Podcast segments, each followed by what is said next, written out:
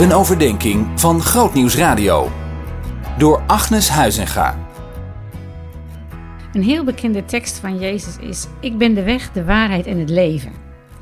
En in het thema leven in eenvoud um, gaan we eens kijken naar het thema dat problemen eenvoudig worden in relatie tot Jezus.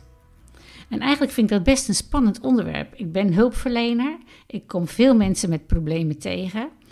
En, en eigenlijk is het best spannend om dan te kijken van hoe wordt je leven nou eenvoudig als je met Jezus omgaat. Want het voelt vaak niet zo. Velen van ons hebben moeizame relaties en complexe problemen.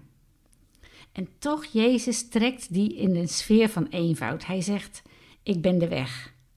En dan bedoelt hij natuurlijk dat hij de enige weg tot God is, maar hij bedoelt ook dat het antwoord op persoonlijke problemen, zowel geestelijk als psychologisch, in hem ligt. En bij persoonlijke problemen denk ik aan relatieproblemen, aan innerlijke onrust, aan depressie, faalangst, woedeuitbarstingen en andere belemmeringen in het evenwichtig functioneren. En die issues die kun, kunnen overkomen worden door een diepe, rijke en doorgaande relatie met Jezus Christus. Weet je, dat is een, een, een statement wat ik nog een keer ga zeggen. En ik zeg daarbij, het is soms echt nodig met hulp. Misschien wel zelfs vaak met hulp. Zeker in de zin van dat je samen mag bidden voor deze problemen, maar ook erover praten.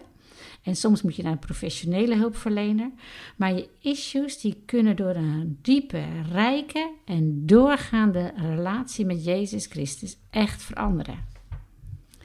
Nou, ik realiseer me dat sommige mensen dat nogal een simplistische uh, manier van kijken vinden.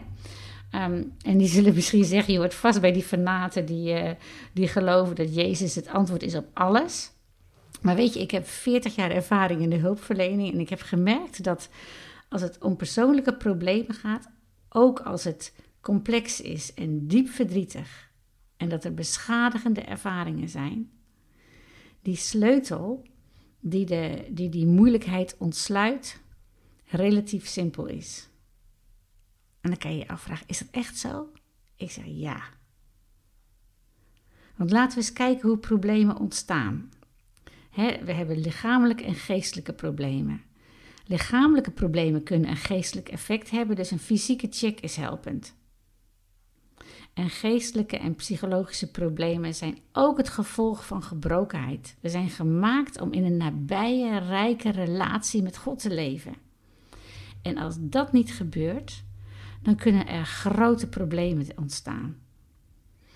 Weet je, ik probeer je niet over te halen om naïef te zijn of ontkennend ten opzichte van complexe situaties.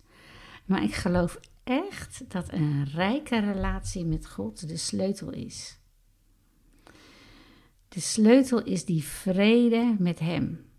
Die sleutel is als het ware het binnenkomen in Zijn aanwezigheid en in een, in een dimensie stappen waarin Zijn vrede, het perspectief van Zijn waarheid, Zijn recht, Zijn beloftes, Zijn liefde, dat dat hetgene is wat je, wat je werkelijkheid gaat, gaat binnencijpelen als, uh, als bepalend. En dat betekent dus dat je bewust in een spanning stapt. Een spanning van het koninkrijk van God. Want het is er en het is er nog niet. We hebben momenten van die vrede en die rust. En momenten dat we in de zware stress zitten. Maar juist door die spanning aan te gaan, kunnen we uh, de overtuiging vasthouden. Zonder dat we op oppervlakkig worden. Dat het leven met God vrede brengt. Amen. Zien in nog een podcast? Luister naar Verhalen van Hoop via grootnieuwsradio.nl/podcast.